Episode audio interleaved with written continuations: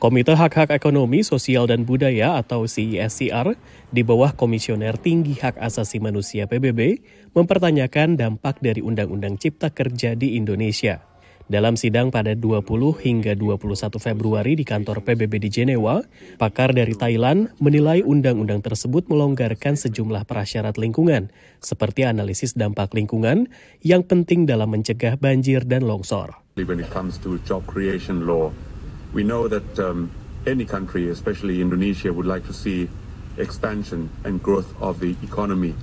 But when you conduct a, a trade off or compromise, you need to be mindful of the human rights based approach that the committee always emphasizes.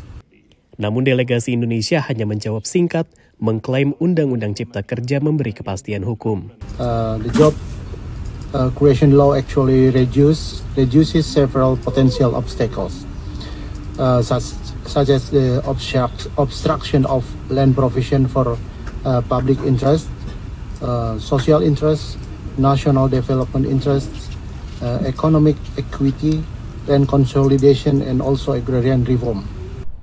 Komite Hak-Hak Ekonomi, Sosial, dan Budaya adalah lembaga PBB dengan 18 pakar independen yang memonitor implementasi Kovenan Hak-Hak Ekonomi, Sosial, dan Budaya.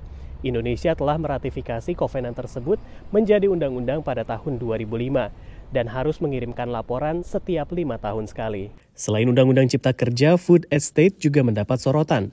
Pakar asal Argentina Julieta Rossi mencermati dampak program ini kepada rakyat kecil dan masyarakat adat.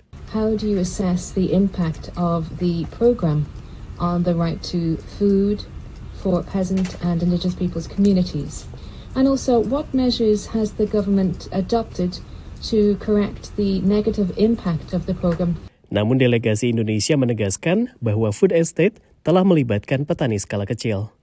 The master, plan, the master plans highlights that the development of a food estate will take an inclusive approach and involve local farmers to improve the welfare of small-scale farmers. Koalisi 34 organisasi masyarakat sipil yang turut mengirim laporan ke Komite PBB sebelum sidang menilai Indonesia bersikap normatif dan defensif seperti yang sudah-sudah. Dia akan menunjukkan progres-progres yang baik gitu ya. Dan itu memang uh, uh, karena dia akan dievaluasi atau kemudian dalam bahasanya itu ada dialog konstruktif, nanti akan ada dialog konstruksi antara komite dan kemudian pemerintah, dia akan ngomong yang baik-baik saja. Indonesia akan kembali menghadiri sidang di PBB Jenewa pada awal Maret untuk dialog terkait hak-hak sipil dan politik. Demikian laporan tim VOA.